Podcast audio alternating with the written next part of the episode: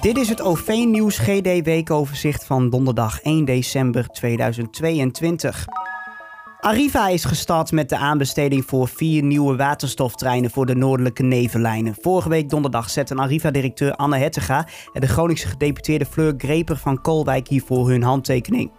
De treinen zullen, zo is de bedoeling, uitsluitend op de verbindingen in Groningen in worden gezet.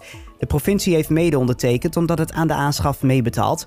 Ook wordt er financieel bijgedragen vanuit het Nationaal Programma Groningen met 7 miljoen euro, de EU met 5,8 miljoen euro en de Rijksoverheid met 15 miljoen euro. Treinen op waterstof worden in Groningen gezien als de beste manier om het regionale spoor te verduurzamen. Er zal daarbij groene waterstof worden gebruikt. Den Haag betaalt 5 miljoen euro voor de installatie van een waterstoftankstation.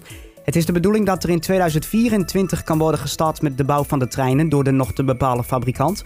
In 2027 moeten ze dan uiteindelijk gaan rijden in de reizigersdienst, waarbij het de eerste zero-emissie treinen op niet geëlektrificeerd spoor in Nederland zullen zijn.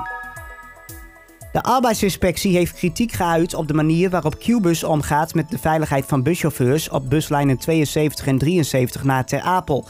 Dat schrijft de inspectie in een rapport. Dat rapport is geschreven na een langdurig onderzoek dat tussen vorig jaar november en juli dit jaar werd gedaan. Vakbond FNV heeft het rapport weten te bemachtigen en besloot de conclusies met het 12 pagina stellende rapport vrijdag naar buiten te brengen. De vakbond is boos. Men claimt niet te hebben geweten van het bestaan van dit rapport. De arbeidsinspectie concludeert onder meer dat er geen agressie- en geweldstraining met alle chauffeurs is gedaan, dat een aantal vertrouwenspersonen leidinggevenden zijn en daarmee niet onafhankelijk en dat Qbus geen plan van aanpak heeft om agressie en geweld te beperken op de buslijnen. Op 14 juli heeft de arbeidsinspectie Qbus de brief gestuurd nadat twee dagen eerder officieel werd vastgesteld dat de arbeidsomstandighedenwet werd overtreden. Qbus heeft tot vandaag de tijd om met een plan van aanpak te komen en een goede regeling rond de vertrouwenspersoon te hebben en tot 1 december volgend jaar de tijd om ervoor te zorgen dat iedereen de training rond agressie en geweld heeft gehad.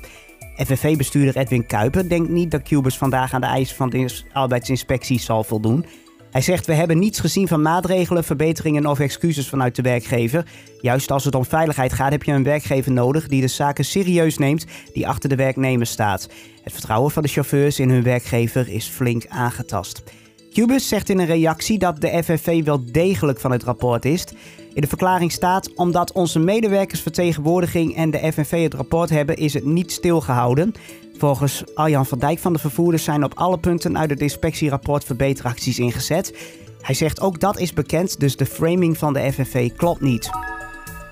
Er dreigen nieuwe vakbondsacties bij de treinmachinisten van Arriva in het noorden. Vakbond, eh, vakbonden FNV Spoor, CNV en VVMC zijn het niet eens met het CAO-bod van de diverse vervoerders.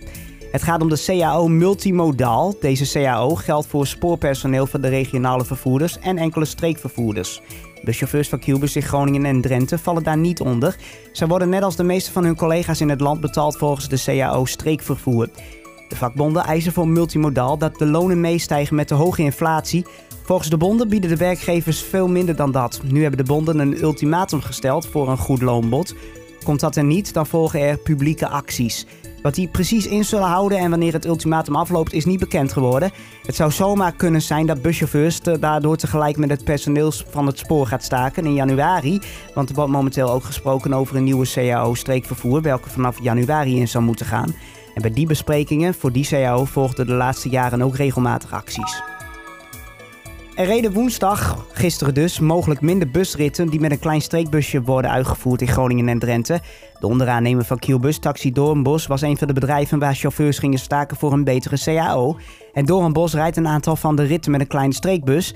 Het is voor Kielbus lastig geweest om van tevoren aan te geven welke ritten niet zouden rijden, omdat pas gisterochtend bleek welke chauffeurs gingen staken. Vervoerder probeerde wel de reisplanner bij te werken, maar garandeerde niet dat alle ritten die uh, vervielen ook daadwerkelijk uit de reisplanners konden worden gehaald. De sprinterverbinding op het traject Groningen-Zwolle zal sowieso tot 2035 nog door de NS worden gereden als onderdeel van het hoofdrailnet. De geplande decentralisatie, waardoor andere partijen ook op het vervoer op de lijn mogen bieden, is uitgesteld.